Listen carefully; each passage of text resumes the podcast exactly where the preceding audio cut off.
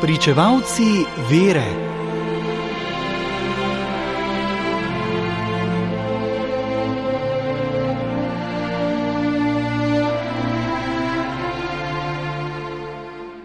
Danes zgodujeta Elizabeta in Zaharija, starša Janeza Krstnika. V Lukovem evangeliju beremo, da je angel Gabriel, ki je Mariji oznanil, da bo rodila Božjega sina Jezusa, povedal, da njena sorodnica Elizabeta tudi pričakuje otroka, čeprav je že v starosti. Ko je angel odšel od nje, pove evangelist, se je Marija odpravila na pot v hriboviti svet. Namenjena je bila v vas Ain Karem na judejskem pogorju, kjer je živela ta njena sorodnica Elizabeta, poročena Zaharijem, duhovnikom iz Abijeve vrste. Mož je opravljal svojo službo v čudovitem templju, narodnem svetišču v prestolnici Jeruzalem, ki je od Ain Karema oddaljena kakih sedem km. Evangelist Luka, zakonca Elizabeto in Zaharija, lepo predstavi. Oba sta bila pravična pred Bogom. Živela sta brez graje, po vseh gospodovih zapovedih in navodilih.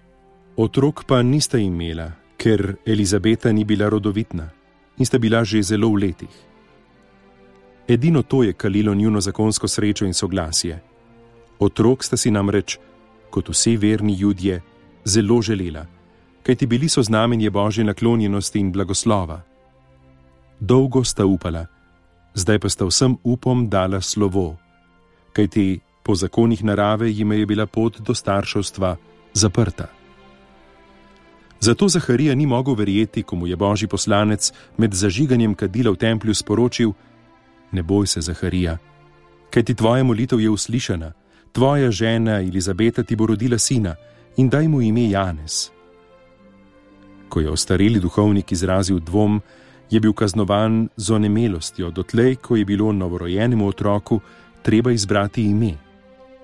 Ob tej priložnosti je Zaharija počastil Boga, ki daje življenje, s hvalnico, katero služabniki cerkve molijo vsako jutro pri svojem molitvenem bogoslužju. Hvaljen Gospod, Izraelov Bog. Na tablico je napisal ime sina, ki ga je prejel od Boga kot nepričakovani dar, ime, ki mu ga je bil povedal angel ob oznanjenju. Ime Janez se po hebrejsko glasi Johanan in pomeni: Bog je milostljiv. Z imenom otroka je označeno tudi njegovo poslanstvo. Ko se je blaženi čas pričakovanja prevesil že v drugo polovico, je Elizabeto obiskala njena mlada sorodnica Mirjam iz Nazareta. In Elizabeta je po božjem razsvetljenju spoznala, koga nosi Mirjam, Marija, v svojem deviškem telesu, in vsa presrečna je izrekla pozdrav, ki ga že skoraj 2000 let ponavljamo Jezusovi učenci. Blagoslovljena ti med ženami in blagoslovljen sad tvojega telesa. Ko sta se pozdravili materi, sta se na skrivnosten način pozdravila tudi njuna otroka, Jezus in Janez Krstnik. Elizabeta zasluži naše češčenje v dvojnem pogledu. Bog jo je izbral, da je po njej izvršil del odrešitvenega načrta, ona pa se je z vso danostjo podredila božjemu ravnanju. Kakor Marija, se je tudi Elizabeta svojo danostjo pokazala vredno izredne božje milosti. Tako je čisto prav, da Elizabeto častimo kot svetniško ženo, ki z veliko vero in zaupanjem potrpežljivo in udano prenaša svojo usodo. Potem pa, ko angel Zaharijo oznani, da bo rodila sina, hvaležno in zaupno sprejme božjo voljo.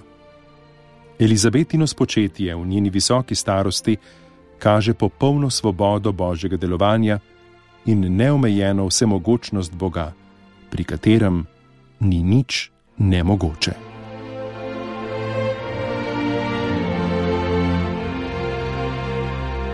Brali smo iz knjige Svetnik za vsak dan, ki jo je napisal Silvestr Čuk.